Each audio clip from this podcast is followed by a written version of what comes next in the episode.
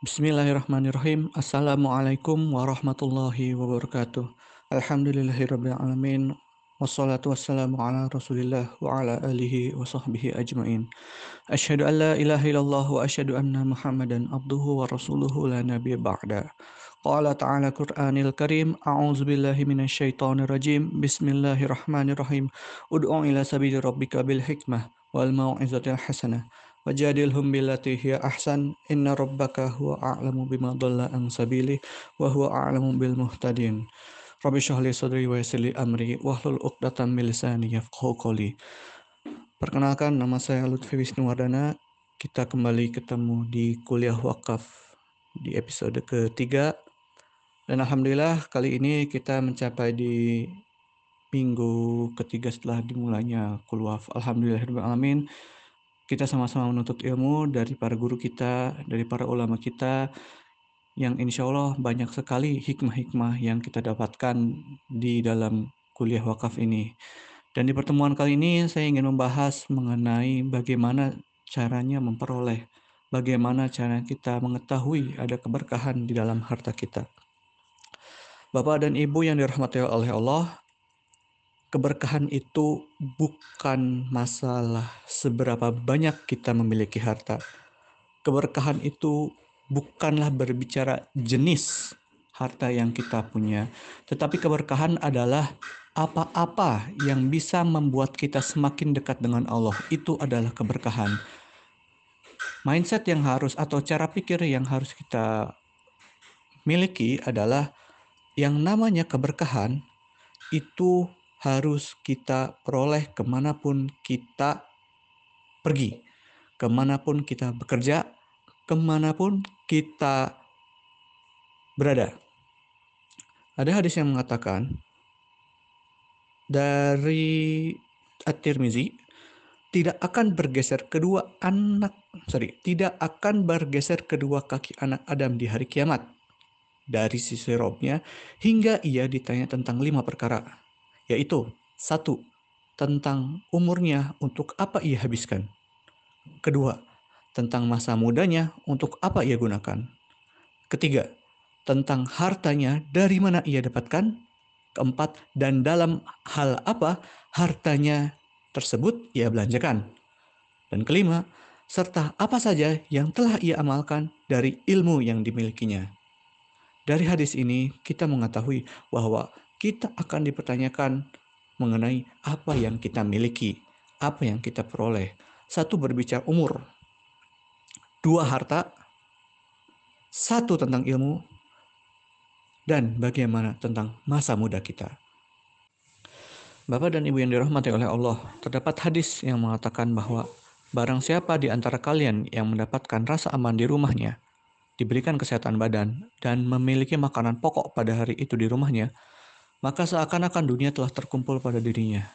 Hadis riwayat Tirmizi dan hadis ini mengatakan bahwa terdapat nikmat yang apabila seorang muslim itu memilikinya, maka itu sudah menjadi nikmat yang besar. Nikmat pertama adalah nikmat aman, nikmat kedua adalah nikmat kesehatan badan, dan yang ketiga adalah nikmat makanan atau nikmat harta.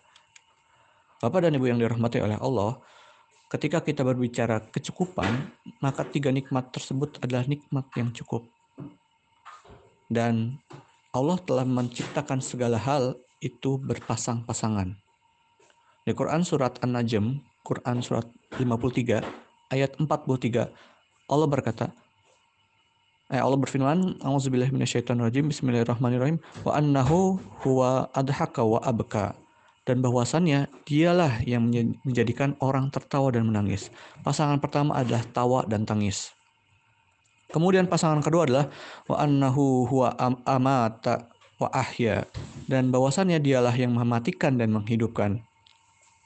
Wa annahu khalaqazza wa annahu khalaqaz zaujaini alladzi kara wal unsa dan bahwasannya dialah yang menciptakan berpasang-pasangan laki-laki dan perempuan. Kemudian di ayat 48 Allah menciptakan pasangan yang lain wa annahu huwa agna wa aqna dan bahwasanya dia memberikan kekayaan dan kecukupan. Allah tidak memasangkan kekayaan dengan kemiskinan, tetapi Allah memasangkan kekayaan dengan kecukupan. Bahwa ketahuilah yang namanya keberkahan harta itu bukan berbicara masalah nominal, bukan berbicara masalah jumlah, bukan berbicara masalah jenis, namun adalah bagaimana ia sanggup untuk memenuhi kebutuhan-kebutuhan kita dalam beribadah. Barangkali di sini ada yang ditunda rezekinya karena kalau mengira oh ini belum waktunya. Ada yang di sini mungkin mendapatkan ujian bahwa kenapa saya uji dengan harta yang sangat sedikit, namun sedikit tapi mencukupi. Harus kita peka terhadap urusan ini bahwa Allah itu memberikan harta, mal, jamaknya adalah amwal, itu untuk keperluan kita beribadah di dunia, bukan untuk hawa nafsu kita. Bahwa kelak akan dipertanggungjawabkan harta-harta kita ini. Pertanyaannya adalah sejauh, sudah sejauh apa harta kita dipergunakan? Beberapa waktu kemarin saya sempat sharing bagaimana sih cara mengelola harta agar itu menjadi keberkahan dalam hidup. Dan cara untuk mengelola harta itu sangat mudah. Ada empat tahapan yang digunakan bagaimana agar harta kita itu menjadi berkah. Bapak dan Ibu yang dirahmati oleh Allah, saya belajar ini dari Mbak Ligwina Hananto. Waktu itu diajarkan bagaimana cara memanage keuangan. Dan ternyata nyambung dengan urusan keberkahan dengan harta. Bapak yang Bapak dan Ibu yang dirahmati oleh Allah, saya seorang nazir wakaf di wakaf diajarkan bagaimana caranya kita mengolah aset yang dititipkan oleh umat. Namun, bagaimana kita mengelola aset yang kita miliki sendiri itu akan menjadi bab tersendiri yang ingin saya sharekan atau bagikan pada kesempatan kali ini adalah bagaimana tips sederhana agar bisa mendapatkan harta yang mudah. Dasar untuk mendapatkan harta yang berkah itu ada empat. Semuanya dilandasi oleh Quran dan Sunnah, asalkan itu dasarnya. Kemudian langkah berikutnya ada empat. Satu adalah earning, bagaimana kita mendapatkan penghasilan. Kedua, spending, bagaimana kita membelanjakan. Tiga, sharing, bagaimana kita berbagi harta kita. Yang terakhir adalah keempat, saving or investing, menabung atau investasi. Orang Indonesia itu punya kebiasaan buruk. Biasanya habis kita dapat uang, malah ditabung. Padahal kita harus belajar dulu bagaimana caranya kita belanja dan bagaimana caranya kita berbagi. Tahap awal atau earning, bagaimana kita mendapatkan uang. Dulu saya pernah diajarkan oleh guru saya, jadi muslim teh tong elehan. Jadi muslim itu jangan mudah mengalah, jangan kalahan. Mindsetnya itu bukan berpenghasilan tetap, melainkan tetap berpenghasilan. Bagi seorang muslim, asalkan hal dan toib maka dikejar. Maka kebutuhan kita akan dicukupkan. Tadi saya sudah menyebutkan di Quran surat An-Najm ayat 48 bahwasannya dialah yang memberikan kekayaan dan kecukupan. Kalau enggak kaya, ya cukup. Yang biasanya menjadi masalah adalah lifestyle atau gaya hidup. Karena kita mengajar gaya hidup yang tinggi, maka seolah-olah itu menjadi berat. Padahal tadi saya sudah menyebutkan bahwa kalau misalkan kita punya rasa aman, kita punya makanan pokok, kita punya kesehatan, maka itu cukup seolah-olah kita memiliki dunia.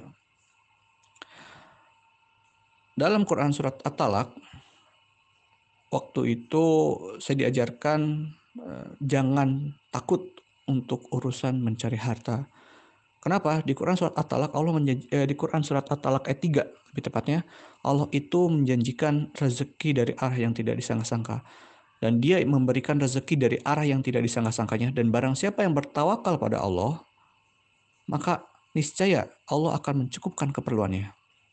Jadi kuncinya adalah apabila kita ingin mendapatkan rezeki dari arah yang tidak disangka-sangka maka bertawakallah kepada Allah. Niscaya Allah akan mencukupkan keperluannya. Sungguh Allah telah melaksanakan urusannya, sungguh Allah telah mengadakan ketentuan bagi setiap sesuatu. Kalau misalkan kita lihat setiap orang itu pasti punya kebutuhan. Karena kalau misalkan eh, dalam Islam itu kita pasti butuh untuk mengeluarkan sesuatu. Kita pasti punya keperluan. Kita pasti punya urusan. Ada hadis yang mengatakan seperti ini, seorang mukmin yang kuat itu lebih baik daripada muslim yang lemah dan masing-masing berada dalam kebaikan. Dan ini yang harus digaris bawahi. Bersungguh-sungguhlah pada perkara-perkara yang bermanfaat bagimu. Mintalah pertolongan kepada Allah dan janganlah kamu bersikap lemah. Guru saya mengatakan, mindsetnya adalah tetap berpenghasilan, bukan berpenghasilan tetap. Karena jika harta yang kita peroleh itu kurang, maka Allah yang akan menambahkan. Ini akan masuk ke bab akidah. Namun pada dasarnya adalah kita harus tetap berjuang. Kita harus tetap memperjuangkan hidup kita. Kita harus tetap memperjuangkan yang namanya urusan agar kita bisa tetap beribadah kepada Allah. Dulu, is, uh, sempat memiliki mindset bahwa lah Islam itu kan mengajarkan zuhud dan kalau misalkan zuhud nggak perlulah kita lebay gitu dalam urusan harta. Konsep zuhud itu bagi orang yang sudah memiliki harta. Zuhud itu adalah orang, sorry, zuhud itu adalah ujian yang akan menimpa bagi seorang yang memiliki harta. Gimana caranya kalau misalkan kalau misalkan kita mau zuhud, harta aja kita nggak punya. Yang namanya zuhud itu adalah meninggalkan segala sesuatu yang tidak bermanfaat untuk urusan akhirat apa yang ditinggalkan itu adalah urusan harta. Nah, kalau misalkan saya nggak punya harta, apa yang mesti ditinggalkan? Karena yang namanya mal atau amwal secara arti adalah sesuatu yang memiliki kecenderungan, sesuatu yang ingin digandrungi, sesuatu yang ingin dimiliki, itu adalah harta. Itu adalah tabiat harta. Jadi ketika kita memiliki harta, kita tuh kecenderungannya untuk memiliki. Itu pengen punya, pengen punya, pengen punya, pengen ini, pengen itu, ingin itu banyak sekali lah. Sehingga yang namanya harta itu ujiannya adalah kita ingin punya. Maka dari itu Islam itu mengajarkan yang namanya zuhud. Zuhud itu hanya akan didapatkan bagi orang yang memiliki harta. Setelah kita mendapatkan harta, maka apa yang harus kita lakukan? Kita harus belanja. Orang banyak salah kaprah memasuki tahap belanja, menganggap bahwa tahap ini paling mudah. Kenapa? Karena ngabisin uang atau nggak habiskan harta. Padahal nggak, itu sama-sama perlu dilatih juga. Belanja itu panduannya sederhana. Quran Surat Al-Baqarah ayat 215. Mereka bertanya kepada Muhammad tentang apa yang harus mereka infakkan. Bahasa Arab infak itu uh, arti katanya adalah belanja, nafkah, nafkah. Sehingga kita harus peka terhadap apa pos-pos yang kita belanjakan. Kita harus hati-hati terhadap ini untuk keperluan apa ini belanja untuk apa? Gunanya apa? Lanjutan ayatnya adalah katakanlah harta apa saja yang kamu infakkan hendak, hendaknya diperuntukkan bagi kedua orang tua, kerabat, anak yatim, orang miskin, dan orang yang dalam perjalanan. Dan kebaikan apa saja yang kamu kerjakan, maka sesungguhnya Allah maha mengetahui. Gampangnya gini, setelah harta atau uang tersebut kita bagi-bagi terhadap orang-orang yang disebutkan tadi, kerabat, tanggungan, diri sendiri, dan lain-lain, kita baru melakukan infak bulanan. Kenapa? Ada hadis yang mengatakan, Angfiku ya Bani Adam, Angfiku alaika. Berinfaklah wahai anak Adam, niscaya aku akan berinfak kepadamu. Infak itu mengundang keberkahan harta. Percuma duit banyak, kalau duit kita itu habisnya nggak jelas. Berkah itu apa-apa yang menjadikan kita dekat dengan Allah. Dan infak itu bisa dikonversi menjadi sedekah. Infak itu bisa dikonversi menjadi wakaf. Infak itu bisa dikonversi menjadi zakat.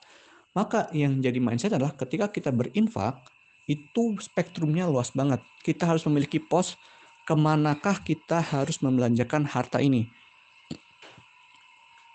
Dalam kasus ini, cobalah kita berpikir ke masa depan. Emang keperluan apa ya yang kita miliki dan kita butuhkan untuk di masa depan. Contoh kayak gini, segala sesuatu yang kita belanjakan akan mendatangkan konsekuensi. Saya ambil contoh kasus kayak gini. Saya mau beli motor, harganya 20 juta dengan asumsi syariah, nggak kredit ya. Nah, ketika kita belanja, itu nggak tok segitu. Nggak cuma 20 juta, kita mesti ngitung biaya bensin, biaya servis, asuransi kalau misalkan kecelakaan gimana, gimana kalau misalkan ada onderdil yang hilang, gimana caranya kalau misalkan ada bayar parkir, Itu mesti dihitung gimana beli helm, beli jaket, dan peralatan-peralatan lainnya, beli obeng, beli jas hujan. Jadi ketika kita belanja, pasti ada biaya lain yang mengikuti. Itu prinsipnya. Misalnya gini, kita beli makanan. Pasti aja ada minimal-minimalnya, itu ada biaya ngebungkus. Atau nggak minimal biaya parkir. Kadang kita suka menyepelekan uang-uang yang kecil gini. Bukan berarti saya mengajarkan perhitungan ya, tapi kita harus memperhitungkan baik-baik, apalagi untuk urusan-urusan akhirat, bahwa yang namanya segala pembelanjaan itu akan mendatangkan konsekuensi, baik konsekuensi positif maupun konsekuensi negatif. Dulu saya pernah uh, minder sebelum saya berangkat umroh.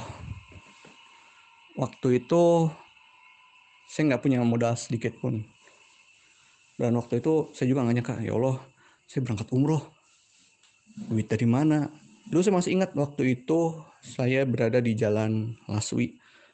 Waktu itu saya ngelihat pelang.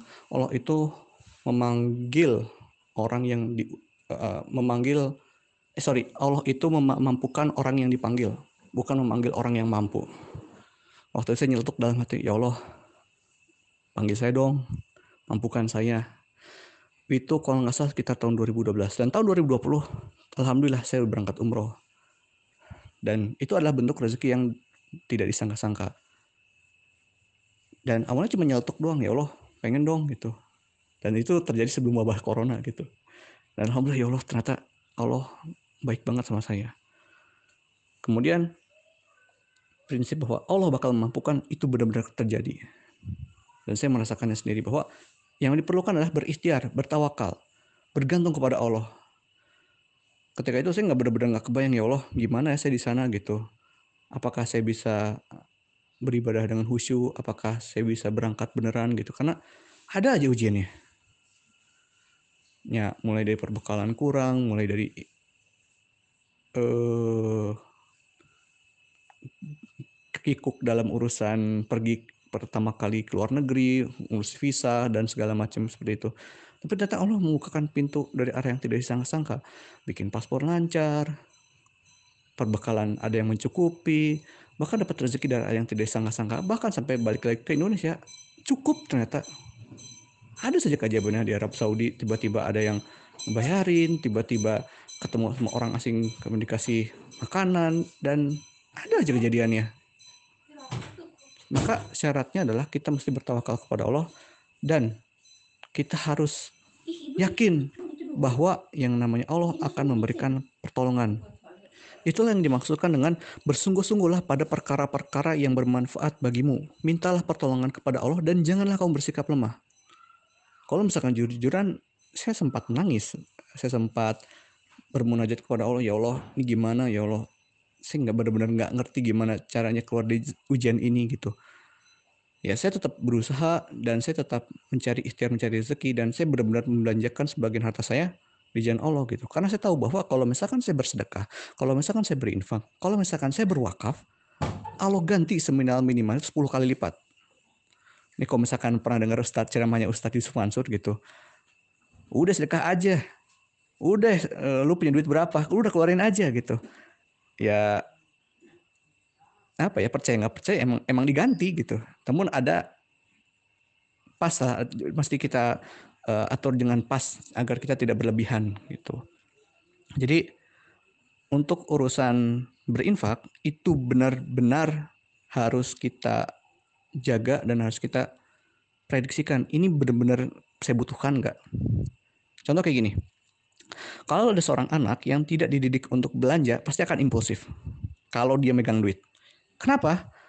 Dulu awalnya dia nggak punya kekuatan untuk belanja atau membeli sesuatu. Tapi ketika dia memiliki harta, dia merasa kuat, dia merasa punya satu potensi kekuatan untuk membeli sesuatu. Makanya ketika anak yang tidak dididik untuk berbelanja atau tidak pernah disuruh untuk beli ke warung, segala urusannya kita yang beli, pasti bakal kalap.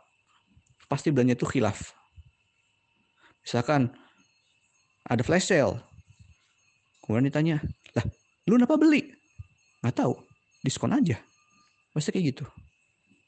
Kemudian ketika ada potongan harga segini, ah beli. Promo ini, beli. ada yang lagi wah ada yang lagi kekinian entah itu dalgona coffee atau misalkan apa ya boba kalau misalkan dulu langsung beli tanpa memikirkan panjang ini buat apa ya itu biasanya kalau misalkan tidak dilatih untuk berbelanja maka belanja itu seperti naik kendaraan. Mengajarkan kapan kita ngegas kapan kita ngerem kapan ganti gigi. Itu dalam urusan finansial kita. Tetap maju? Ya tetap maju.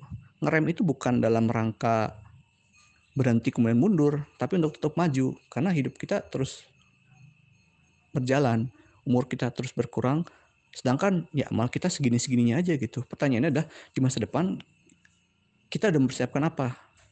Nah, kita masuk ke tahap ketiga, yaitu sharing. Tahu nggak bahwa yang namanya di Indonesia itu termasuk orang yang paling dermawan di dunia. Ada suatu survei di Inggris tahun 2018 bahwa orang Indonesia itu dermawan, sangat dermawan. Itu dilihat dari tiga kategori. Satu adalah bagaimana dia menolong orang asing. Kedua adalah bagaimana dia mendonasikan uangnya. Dan yang ketiga adalah bagaimana dia menjadi seorang relawan. Dia sangat dermawan. Indeks pertama adalah Indonesia. Indeks yang paling terakhir adalah Cina di mainland, di, di tanah tamanya. Nah, kalau prinsip seorang muslim adalah orang yang nggak mau berbagi karena takut miskin, harta berkurang, dan lain-lain. Padahal kalau itu mindset yang salah dan keliru. Padahal apa pun yang kita sedekahkan itu akan kembali kepada diri kita. Dulu Bilal itu pernah takut untuk bersedekah. Jangan jangan mikirin bahwa sahabat tuh kayak apa kayak wow langsung bertakwa gitu segala macam. Para sahabat juga berproses. Para sahabat juga melakukan suatu proses pendidikan ketakwaan dari Rasulullah langsung gitu. Nggak ujuk-ujuk langsung ketakwaannya wah gede banget gitu. Enggak. Bilal juga dulu pernah takut untuk bersedekah. Kenapa? Bilal itu dulu pekerjaannya buruh. Ya kalau misalkan eh, apa ya buruh kasar lah. Bukan berarti saya merendahkan beliau tapi dulu pernah jadi seperti itu Nabi pernah berkata kepada beliau untuk berinfak dan jangan khawatir miskin. Beliau berkata, Wahai Bilal, berinfaklah. Jangan takut hartamu itu berkurang karena ada Allah yang memiliki arsh. Jadi, dulu tuh Bilal takut. Aduh, saya takut untuk infak. Nanti duit saya dari mana gitu. Nggak usah takut. Allah akan ganti. Allah akan ganti. Allah akan ganti. Di hadis riwayat yang lain, sedekah itu tidak akan mengurangi harta.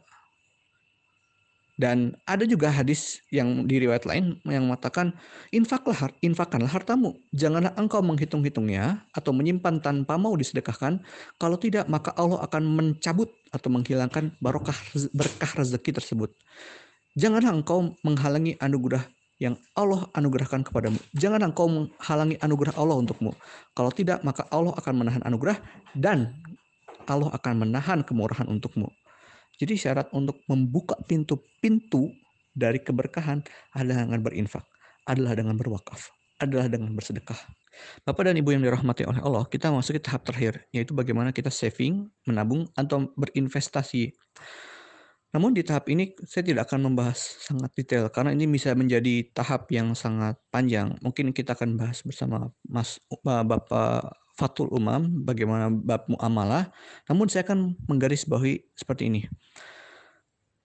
Rasulullah itu pernah melakukan menabung. Rasulullah pun menabung. Pernah diriwayatkan dari hadis riwayat Bukhari, Rasulullah itu menyimpan makanan untuk kebutuhan keluarga selama setahun. Jadi menabung itu merupakan salah satu perbuatan yang dianjurkan oleh Rasulullah juga. Bahkan dilakukan oleh Eh, nabi-nabi terdahulu. Contohnya Nabi Yusuf. Dulu kita pernah dengar bahwa terdapat muslim paceklik yang sangat melanda Mesir saat itu. Muslim itu sangat berat bahwa uh, Nabi Yusuf bermimpi bahwa ada tujuh ekor sapi betina yang gemuk dimakan oleh yang kurus. Jadi yang namanya menabung itu sudah diajarkan dulu sama kaum terdahulu. Kita nggak tahu di masa depan itu ada apa.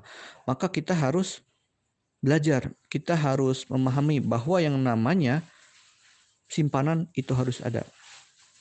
Dan yang namanya harta itu harus dibelanjakan. Dan jangan khawatir karena Allah akan mencukupkan selama kita beriman dan selama kita yakin akan ada janji-janji dari Allah. Maka Bapak dan Ibu yang dirahmati oleh Allah, maka janganlah kita menjadi kikir, janganlah kita menjadi seorang yang menahan keberkahan harta kita karena kita tidak mau berinfak, karena kita tidak mau berwakaf, karena kita tidak mau bersedekah jariah. Janganlah kita seperti itu. Bahkan yang dimaksudkan oleh kaya itu bukan masalah harta. yang dinamakan kaya itu adalah orang yang dianugerahi oleh ketakwaan. Imam Nawawi rahimahullah pernah berkata, siapa yang ingin menambah dan menambah lalu tidak pernah merasa cukup atas apa yang Allah beri, maka ia tidak disebut dengan kaya hati. Jadi maksudnya dari perkataan ulama uh, Imam Nawawi adalah ketika kita sudah mencapai satu titik di mana kita memiliki harta, mau merasa tidak cukup puas, maka kita tidak bisa disebut dengan orang yang kaya. Kita harus bersyukur atas apa yang kita miliki saat ini. Kalau nggak syukur, ya sabar. Perkara muslim itu cuma dua. Kalau nggak syukur, ya sabar. Syukur atas apa yang telah dimiliki, dan bersabar atas apa yang telah menimpa kita saat ini. Dan dua-duanya adalah perkara yang sangat menakjubkan. Syukur Allah tambah, sabar Allah gugurkan dosa kita. Bapak dan Ibu yang dirahmati Allah, mohon maaf apabila saya terdapat kata-kata yang mungkin tidak berkenan di Bapak atau Ibu sekalian. Eh, kesalahan datangnya datang dari saya dan yang benar datangnya dari Allah Subhanahu wa taala. Wabillahi taufiq wal hidayah. Wassalamualaikum warahmatullahi wabarakatuh.